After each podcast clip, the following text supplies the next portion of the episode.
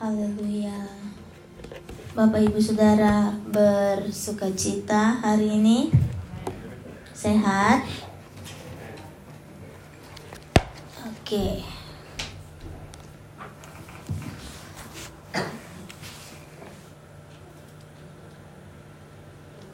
Saudara percaya bahwa Tuhan masih bekerja dalam kehidupan kita?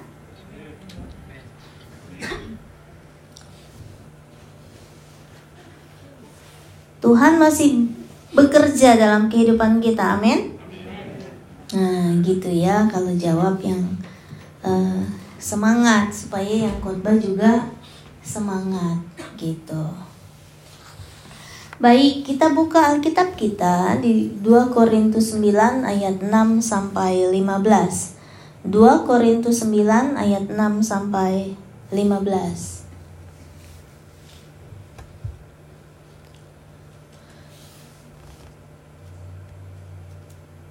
Udah dapat semua? Udah bu, karena udah ada di depan. Ya. Oke. Okay. Demikian firman Tuhan 2 Korintus 9 ayat 6 sampai 15. Camkanlah ini. Orang yang menabur sedikit akan menuai sedikit juga, dan orang yang menabur banyak akan menuai banyak juga hendaklah masing-masing memberikan menurut kerelaan hatinya, jangan dengan sedih hati atau karena paksaan. Sebab Allah mengasihi orang yang memberi dengan sukacita. Dan Allah sanggup melimpahkan segala kasih karunia kepada kamu, supaya kamu senantiasa berkecukupan di dalam segala sesuatu, malah berkelebihan dalam pelbagai kebajikan. Seperti ada tertulis, ia membagi-bagikan, ia memberikan kepada orang miskin.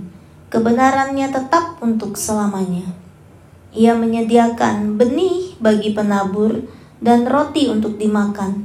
Ia juga akan menyediakan benih bagi kamu dan melipat gandakannya dan menumbuhkan buah-buah kebenaranmu. Kamu akan diperkaya dalam segala macam kemurahan hati yang membangkitkan syukur kepada Allah oleh karena kami. Sebab pelayanan kasih yang berisi pemberian ini bukan hanya mencukupkan keperluan keperluan orang-orang kudus, tetapi juga melimpahkan ucapan syukur kepada Allah.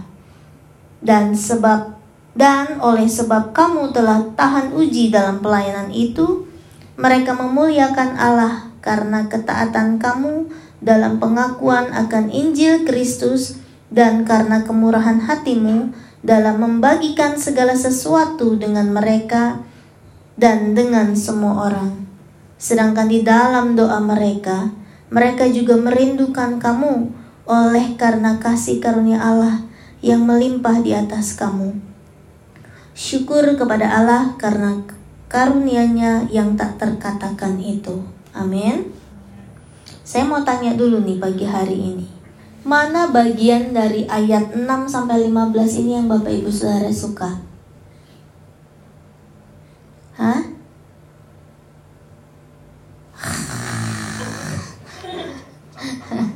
Hah? Camkanlah orang yang menabur sedikit akan menuai sedikit. Ini yang disukai pendeta tahu? Ayat ini. Ayat yang disukai jemaat adalah ayat yang ketujuh. Hendaklah kamu memberikan menurut kerelaan hatinya, jangan dengan sedih hati atau karena paksaan. Sebab Allah mengasihi orang yang memberi dengan sukacita. Bu, sorry, saya belum rela. Saya masih sedih. Saya terpaksa, gitu. Itu yang harusnya disuka. Pak Agung ini terlalu rohani loh. Jadi jawabnya yang ayat 6. Oke, baik Bapak Ibu Saudara begini uh, bulan ini tema gereja kita tentang memberi, um, kuasa memberi ya. Uh, minggu lalu saya sudah sampaikan bahwa kita harus memberi karena Tuhan sudah lebih dahulu memberi kepada kita, ya. Memberi itu apa sih? Memberi itu adalah mengeluarkan sesuatu dari apa yang kita miliki. Bahkan ada perintah di Alkitab, kita harus memberi dari kekurangan kita. Ini mudah apa susah? Susah, ya. Maka di Alkitab ada contoh di mana seorang kaya memberikan persembahan dengan banyaknya. Itu membuat senang para imam-imam, ya. Kalau Bapak Ibu Saudara memberi dengan banyak, siapa yang senang? Bapak Ibu Gembala. Gitu. Tetapi Allah memuji seorang janda yang memberi dua peser duit itu yang paling rendah. Jadi kalau di Australia itu 5 sen. Ya. Yang paling rendah tetapi dipuji-puji. Kenapa? Karena janda itu memberi dalam kekurangannya. Dia memberikan dari terakhir yang dia punya. Gitu. Jadi besar kecilnya pemberian, kalau kita lihat ayat yang keenam, orang yang menabur sedikit akan menuai sedikit, orang yang menabur banyak akan menuai banyak. Ini bisa bicara tentang jumlah, tapi ini juga bis, bisa bicara tentang hati yang memberi dengan sepenuhnya, dengan seluruh yang kita punya. Oke, terus ada di antara Bapak Ibu Saudara yang datang hari ini dengan wajah yang gampang. Kenapa? Bu, saya itu lagi susah loh hidupnya lagi nggak punya uang loh, lagi nggak ada kerjaan loh. Kenapa sih hari ini khotbahnya tentang memberi? Capek deh, ternyata saya tidak mendapatkan apa yang saya perlu. Ya. Begini Bapak Ibu Saudara. Minggu lalu saya sudah katakan bahwa perjamuan kudus ada hubungannya dengan pemberian, yaitu apa? Di situlah Allah memberikan hidupnya sendiri, nyawanya sendiri untuk menebus dosa kita. Itu pemberian Allah yang paling besar buat kehidupan kita. Pertanyaannya berikutnya adalah, apa yang mau kita berikan buat Tuhan? Apa coba? Jawab aja, nggak apa-apa, saya nggak akan marah kok. Kalau Tuhan sudah memberikan seluruh hidupnya buat kita, kita mau memberi apa buat Tuhan? Halo? Hah? Body. Ya betul sih di Roma 12 dibilang persembahkanlah tubuhmu sebagai persembahan yang hidup, yang kudus, yang berkenan kepada Allah. Itu lebih susah lagi. Tahu nggak itu lebih susah lagi? persembahkanlah tuh tubuhmu, tubuhmu yang hidup, yang kudus, yang berkenan kepada Allah lebih susah lagi orang tubuhnya dipakai buat dosa. Salah lagi kan tuh ibu ngomong keras lagi, khotbahnya keras lagi. Orang tubuhnya dipakai buat dosa. Mulutnya bukan buat memuji Tuhan tapi hmm, gitu kan. Tangannya bukan diangkat buat menyembah Tuhan tapi satunya me, uh, menyembahnya setengah tiang loh. Berada di pelukanmu, gitu kan? Lebih parah lagi. Yang kudus, yang berkenan kepada Tuhan, berkenan gak sama Tuhan? Nah itu salah lagi kan? Salah kasih ayat sama ibu, tubuh katanya, salah. Gak usah ngomongin tubuh yang kudus deh. Gitu ya, yang kita punya sekarang apa? Waktu. Nggak juga saudara kasih sama Tuhan. Gitu. Apalagi? Tenaga. Nggak juga kita kasih sama Tuhan. Pikiran. Nggak juga saya memikirkan dia yang kusayang Tuhan. Tenaga, tenaga kita kita gunakan buat apa sih? Buat assignment kita, buat pekerjaan kita, buat Tuhan ah sisa-sisa dan sorry sorry saya datang terlambat Tuhan ibadah gitu kan sisa-sisa semua kasih apa sama Tuhan capek deh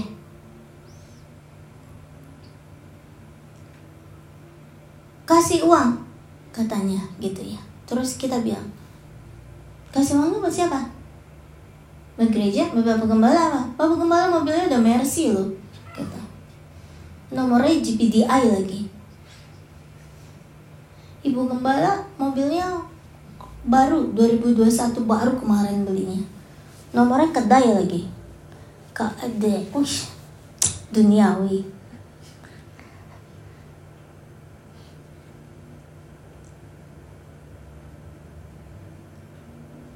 Oke, pelajaran pertama. Memberi dengan pengertian sebagai didikan, ya. Gini Bapak Ibu Saudara, kita lihat ayat yang ke-10. 2 Korintus 9 ayat 10. Ia menyediakan benih bagi penabur dan roti untuk dimakan. Ia juga yang akan menyediakan benih bagi kamu dan melipat gandakannya dan menumbuhkan buah-buah kebenaranmu. Gini loh, Allah itu menciptakan manusia di hari keberapa? Hari ke-6. Hari terakhir setelah semua benda diciptakan. Sampai sini ngerti nggak maksudnya apa? Allah menyediakan dulu semuanya baru diciptakanlah tuh pengelola yaitu saudara dan saya Adam dan Hawa supaya nggak makan tanah. Nggak makan batu. Supaya kalau mau minum ada air supaya mau makan. Saudara suatu hari anak saya tanya begini sama saya mami kamu tahu sains oh, kepala saya udah kuyang kuyang mulai udah mulai muter-muter. Hmm, jadi Allah tuh menciptakan bumi? Kapan dinosaurus diciptakan?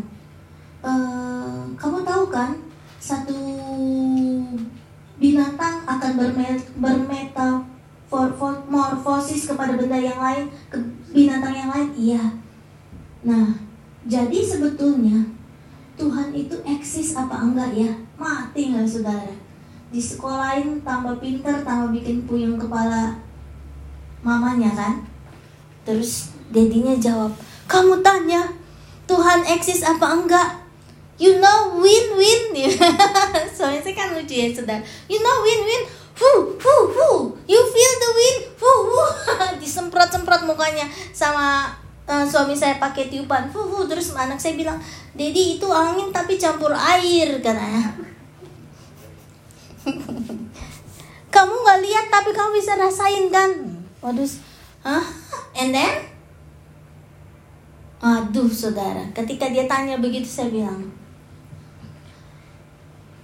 ya itu Tuhan kita itu sebetulnya Alkitab kita itu sebetulnya adalah sumber dari segala sumber ilmu pengetahuan. Alkitab itu adalah dasar dari segala sesuatu yang ada dalam dunia ini. Betul.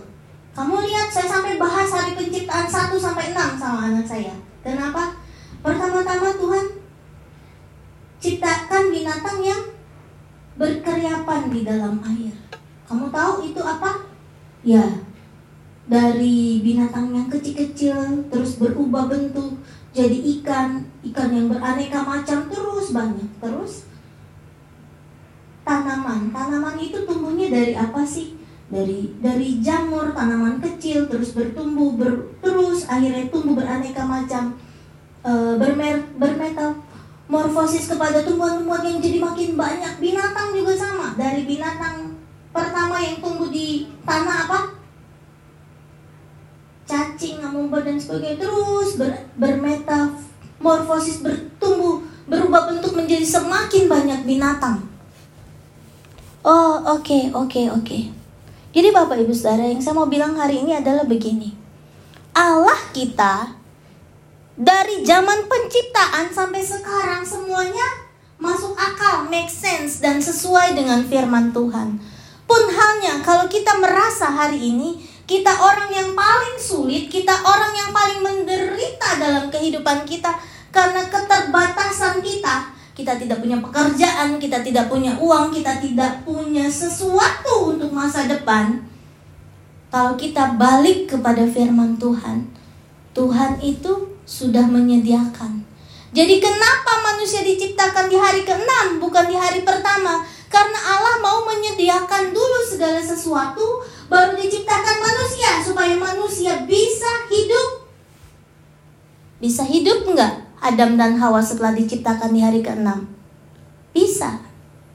Setelah diciptakan manusia, Tuhan bilang apa? Kuasai semuanya. Kuasa itu artinya apa? Kelola semuanya. Jadi gini loh Bapak Ibu Saudara. Jadi semua yang Tuhan sudah sediakan buat kita berkat pekerjaan, kesehatan, binatang, mobil, rumah yang kita punya harus kita kuat kuasai, berkuasalah atasnya. Bukan kita dikuasai oleh studi kita. Kita dikuasai oleh pekerjaan kita. Kita dikuasai oleh uang kita. Kita dikuasai oleh kereta kita. Kita dikuasai oleh rumah kita. Apa itu maksudnya? Jadi gini loh saudara. Kita marah banget kalau mobil yang paling mobil kita yang baru kena lecet, kena senggol orang marah banget. Oh, gitu ya. Kalau ada orang ngomong jelek di tempat kerjaan kita supaya kita jatuh dan dia yang dapatkan posisi, kita marah banget. Ah, gitu.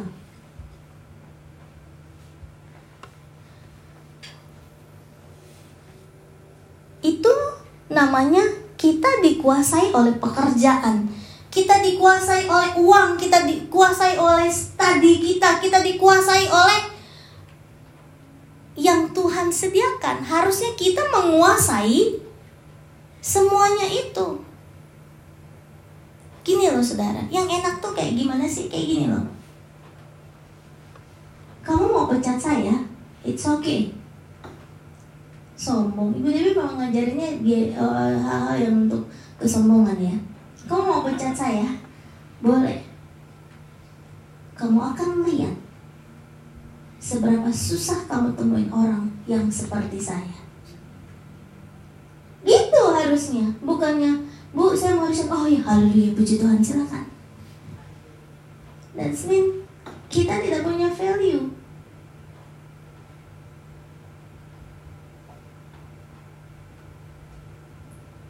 Kita tuh harus jadi orang yang seperti itu. Karena Tuhan bilang kuasai, kuasai tempat pekerjaan dengan integritas dan dedikasi kita. Kuasai sekolah kita dengan integritas dan semua yang kita punya. Kuasai uang kita. Saya selalu bilang, saya taruh uang di kaki, bukan di kepala. Apa artinya? Tuhan suruh kasih ke orang, kasih tendang, twing. Tuhan suruh simpan simpan nih, tendang ke belakang gitu kan. Tuhan suruh kasih ke depan tendang ke depan. Kalau ditaruh di atas sehingga apa uh, yang kita suka adalah mengumpulkan banyak-banyak sampai banyak sekali dan akhirnya kita menjadi kedekut pelit. Itu yang Tuhan gak mau karena Tuhan bisa kasih sangat banyak. Tuhan bisa kasih dengan sangat banyak dalam waktu singkat, setahun, dua tahun, sehari, dua hari. Tuhan juga bisa kasih, bisa ambil dalam waktu singkat. Satu hari, satu bulan, tiga bulan, satu tahun, habis semua bisa nggak? Bisa. Karenanya taruh di kaki. Kalau taruh di kaki, saudara, Ngerti nggak sih kenapa Tuhan suruh kaki? Tiap jalan ada duit, tiap jalan ada duit karena ada di kaki. Dia mengik mengikuti. Kalau ditaruh di kepala kan berat. Gitu loh saudara. Nah Tuhan mengajarkan memberi dengan pengertian sebagai didikan. Yang pertama itu, kenapa? Allah tidak memberi Bapak Ibu Saudara meja di zaman purbakala. Tapi diberi pohon untuk dikelola jadi meja. Tuhan tidak memberi kita kursi kayu, tapi Tuhan memberi pohon supaya kita bisa bikin kursi. Tuhan tidak memberi pisau, tapi Tuhan memberi batu untuk kita buat jadi pisau. Sampai sini Bapak Ibu Saudara paham kenapa Tuhan ciptakan segala isinya dulu baru di hari ke-6 ciptakan manusia? Karena Tuhan mau kita mengelola, menguasai dan mengelola. Yang terbesar yang Yesus lakukan adalah, yang Allah lakukan adalah dia memberi Kristus anaknya supaya kita apa? Enak-enakan? Minta berkat, minta kemurahan, minta pengampunan terus tiap hari ya emang gak bosen-bosen sih.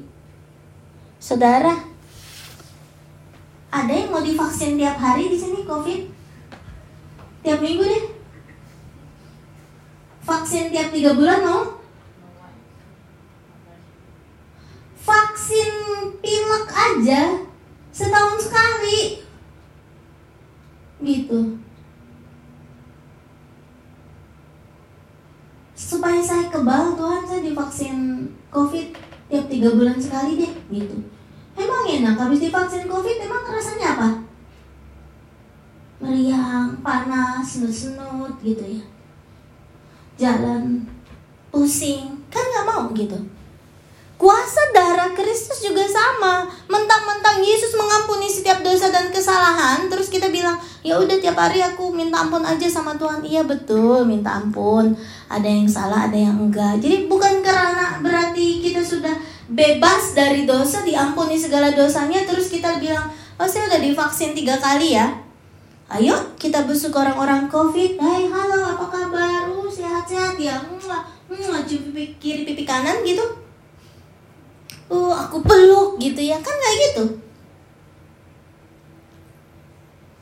Allah menciptakan segala isinya baru menciptakan manusia supaya manusia menguasai dan mengelola. Kemudian Allah memberikan Kristus supaya kita menyangkal diri, hidup dalam kebe kebenaran. Nih, ibu mau ngomongin memberi apa enggak sih? Ya, nanti ke situ. Nah, kita juga harus mengerti. Tuhan udah beri segala sesuatu kita mengelola. Tuhan sudah beri Kristus, kita hidup dalam kebenaran dan menyangkal diri. Pun halnya ketika kita mau memberi kepada sesama kita, jangan terus-terusan beri ikan, tapi beri kailnya, pancingannya. Memberi sebagai sebuah didikan. Allah pun ketika memberi dunia ini dan menciptakan manusia, Allah memberi untuk mendidik manusia. Allah memberi Kristus supaya manusia menyangkal diri. Kita memberi kepada sesama kita supaya kita bisa mengajar orang lain menjadi mengerti arti Kristus. Nah, kita lihat ayat 12 ya yang tadi 2 Korintus 9 ayat 12 Sebab pelayanan kasih yang berisi pemberian ini bukan hanya mencukupkan keperluan-keperluan orang kudus, tapi juga melimpahkan ucapan syukur kepada Allah. Jadi memberi, yang kedua memberi juga harus dengan pengertian supaya yang menerima mengerti maksud dan tujuan. Ngerti gak nih? Memberi itu supaya yang menerima mengerti maksud dan tujuannya. Saudara tahu kenapa saudara dikasih nafas sama Tuhan? Enggak. Bahaya nih. Saudara tahu kenapa saudara ada di Australia? Enggak. Saudara tahu kenapa saudara punya gaji sekarang? dulu-dulu zaman Melisa ada di gereja Springfield sama dengan Chris ya yang di Church of Christ di pasar Springfield itu. Saya ingat Melisa datang kerja sambil sambil bawa-bawa tempat makanannya. Chris juga sama. Diturunin di depan gereja pulang dari tempat kerja kurang ajar itu ya Chris ya yang bawa bawa bawa Chris ke situ ke gereja. Ini dia masih bawa tas makanan ke gereja. Rambut dia waktu itu masih panjang gitu. Ke gereja ada berapa waktu itu Chris dapat gajinya? 400 something gitu ya Mel? Hmm. 400 satu minggu. Eh. Itu. Sekarang? Jangan ditanya bu jangan ditanya zaman dulu begitu kerja di pumpkin di apa satu lagi? Spring roll. Satu minggu dapatnya 300 400 waktu itu udah merasa bersyukur halu ya puji Tuhan ya Mel. Walaupun bachelor degree-nya nggak diguna halu ya puji Tuhan gitu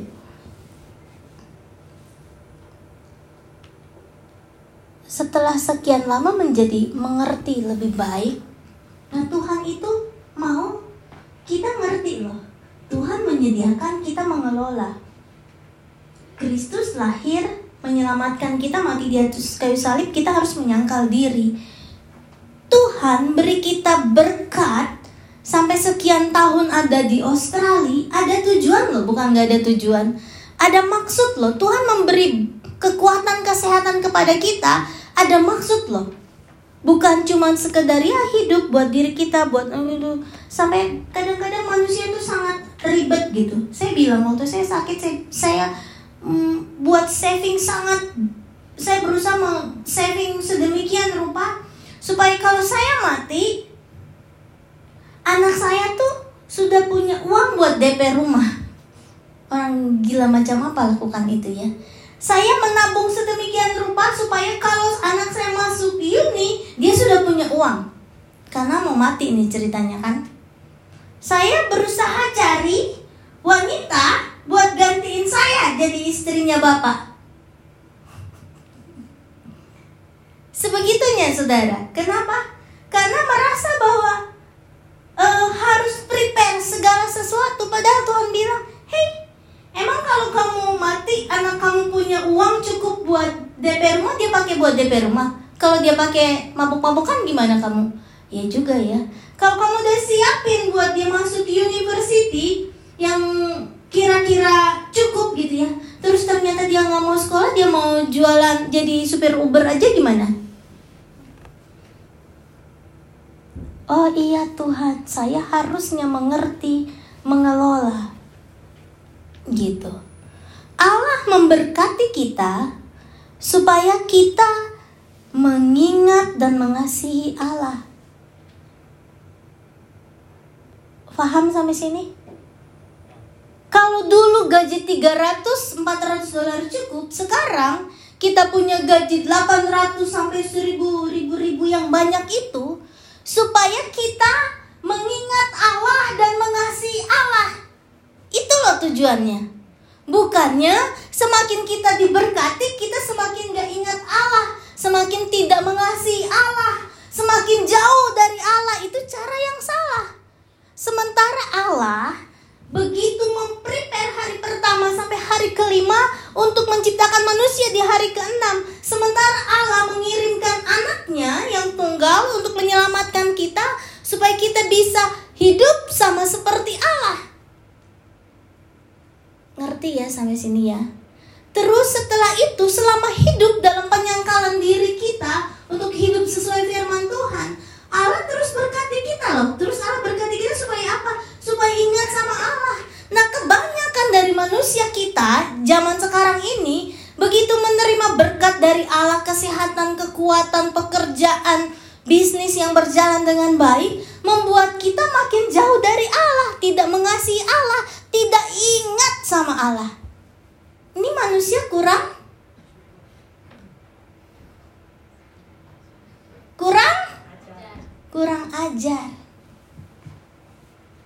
Siapa yang kurang ajar itu? Saudara dan saya. Supaya ada temannya ya. Bapak ibu saudara yang punya anak pasti mengerti. Gak usah yang punya anak deh yang lagi hamil. Rika ya. Pasti ngerti deh. Ketika, eh, bu, aku hamil. Dia bangga dan bahagia banget. Terus habis itu apa?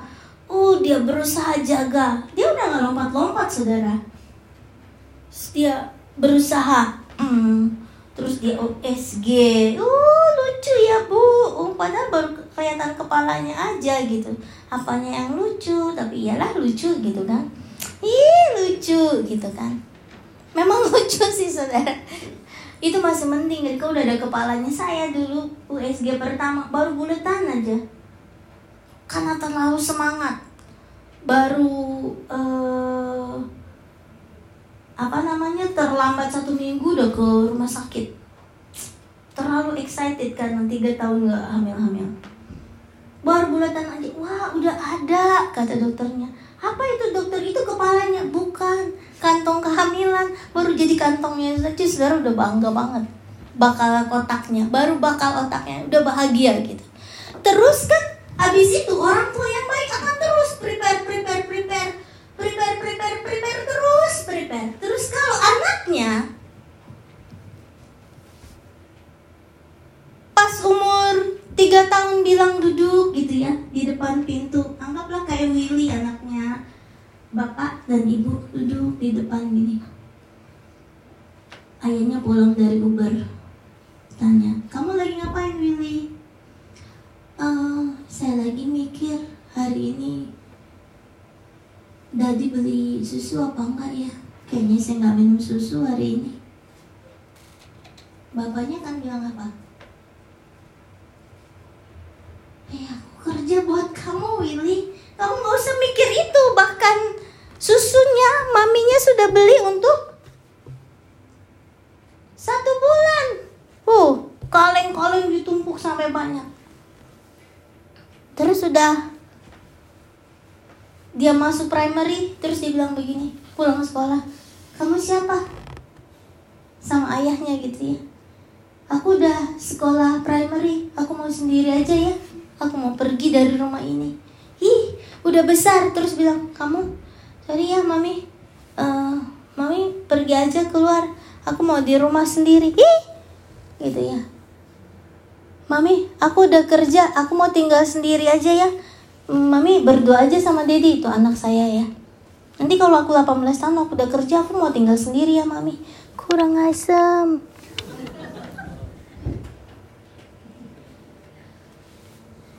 Kita kan gak mau anak kita gitu kan? Atau Melisa yang udah 25 tahun. Saya kasih muda ya. Terus bilang sama Mami, Mami, Aku udah kerja di Australia nih udah berapa? 5 tahun lebih, 6 tahun, 7 tahun. Udah ya, aku stop dulu. Aku mau cabut dari family ini. Anggap aku udah nggak ada.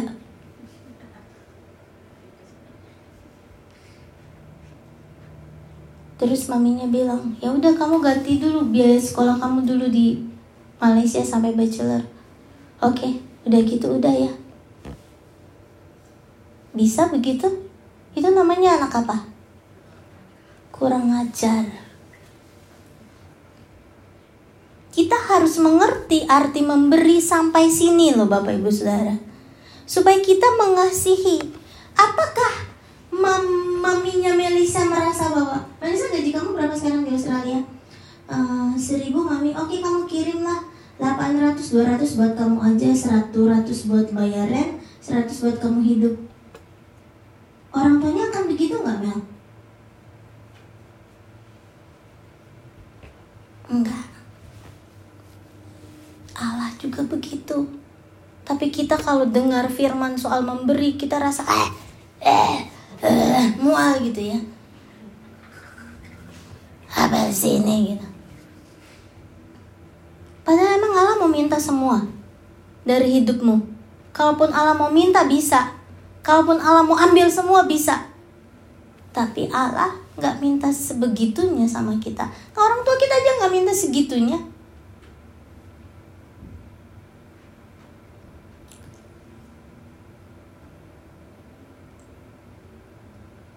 Orang tua mengasihi anaknya. Di situ dibilang, gembala juga mengasihi jemaatnya.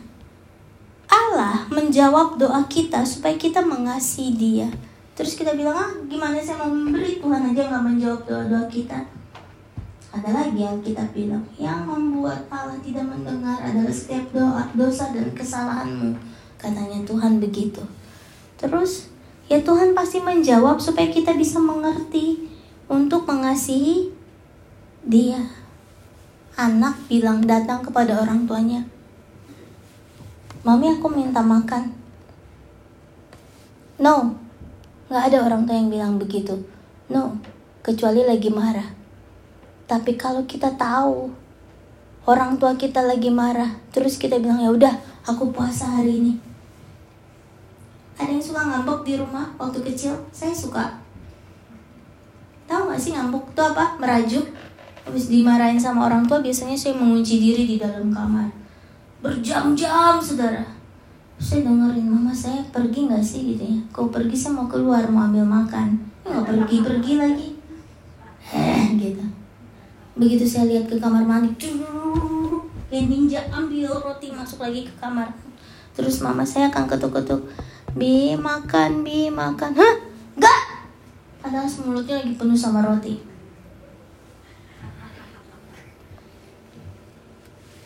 Saya begitu saudara ya. Saudara jangan kayak saya. Allah menabur kasih supaya Allah bisa menuai kasih dari kita. Orang tua kita tidak mengharapkan kita kasih. Orang tua tuh nggak nggak akan loh saudara begini. Saya sampai sekarang menikah udah 17 tahun. Ya.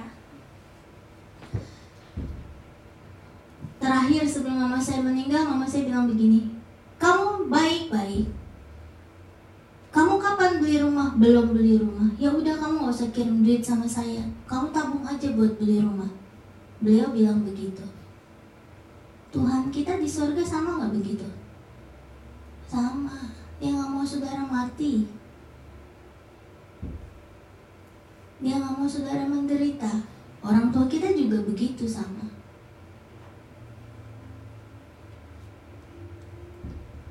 Gak usah kirim banyak-banyak, kamu nabung aja buat supaya bisa beli rumah. Kasihan loh, anak kamu dari bayi diajak pelayanan sampai dia besar nggak punya punya rumah sampai kalau dia bilang begini mami aku mau tempel poster boleh tapi pakai apa itu yang biru biru glutek aja glutek aja. Jangan pakai paku. Kapan sih aku bisa paku paku rumahku sendiri? Nanti kalau udah nggak keren saudara ngerti nggak? Allah memberikan kita kasih memberkati kita. Allah menabur kasih dalam kehidupan kita supaya Allah menuai kasih dari kita. Cuman itu yang Tuhan mau. Saudara dan saya balik mengasihi Tuhan. Itu yang Tuhan mau.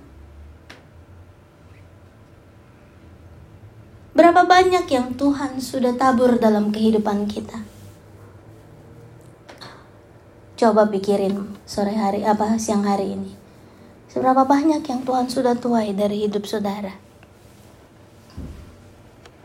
Sedih kan kalau nanya begini?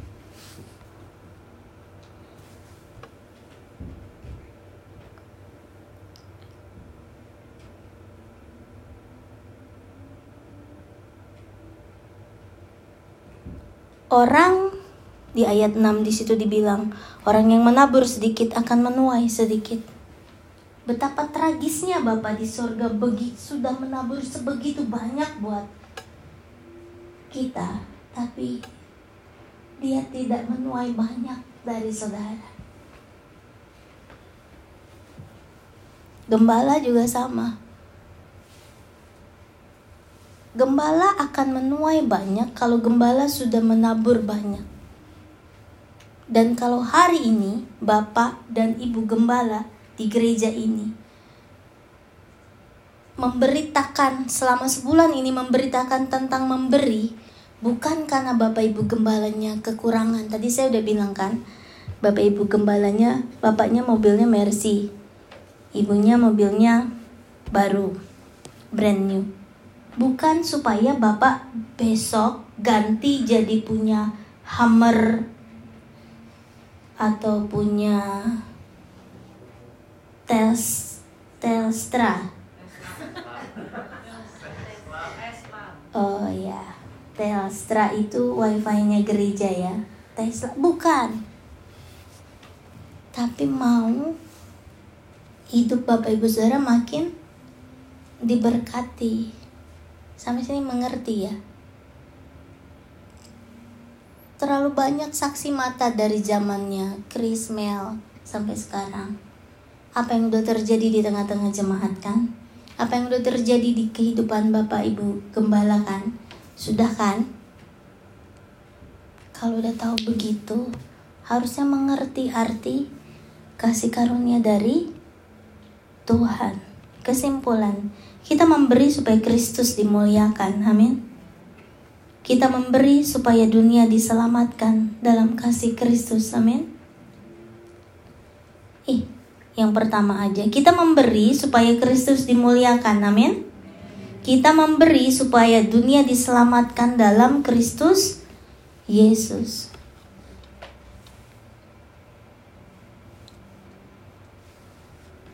Ini yang Tuhan mau dalam kehidupan kita. Supaya kita makin mencerminkan Kristus dalam kehidupan kita. Saudara, Bapak Ibu Saudara, saya hitung. Ini saya bersaksi ya. Saya hitung.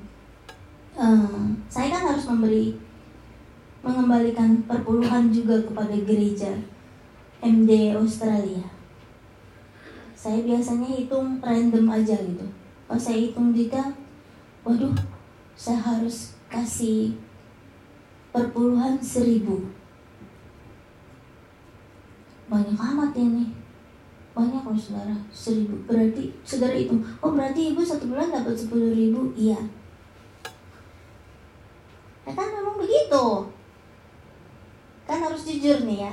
Oke terus tiap tanggal satu saya bilang dan perpuluhan ya satu bulan ini seribu iya kirim. Saudara besoknya masuk lagi ke rekening terus terus terus terus jemaat perpuluhan terus terus terus terus jemaat memberi terus terus terus kok langsung jadi nambah 2000 di situ saya bilang Tuhan udah.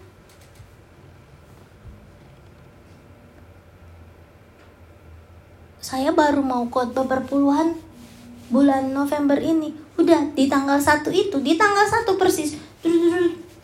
Ya kok ini yang nggak pernah perpuluhan jadi perpuluhan ya? Padahal saya belum khotbah perpuluhan nih. Terus terus saya bilang aduh Tuhan. Stop. Udah dulu ya Tuhan. Udah cukup dulu Tuhan cukup. Kenapa? Malu saudara. Hidupnya nggak baik-baik banget nih nggak bener-bener banget nih. Nggak galak apa nggak masih galak banget nih. Ngomel terus nih gitu banyak jemaat yang sakit hati sama khotbahnya Bu Devi tapi harus disampaikan supaya hidupnya makin benar, hidupnya mencerminkan Kristus. Khotbah hari ini pun juga sama. Bukan supaya saya buat tambah kaya saudara. Bukan supaya gereja tambah kaya, tapi supaya Bapak Ibu Saudara tambah mengerti, tambah diberkati. Begitu kira-kira. Firman Tuhan sampai di sini. Saya serahkan kepada Bapak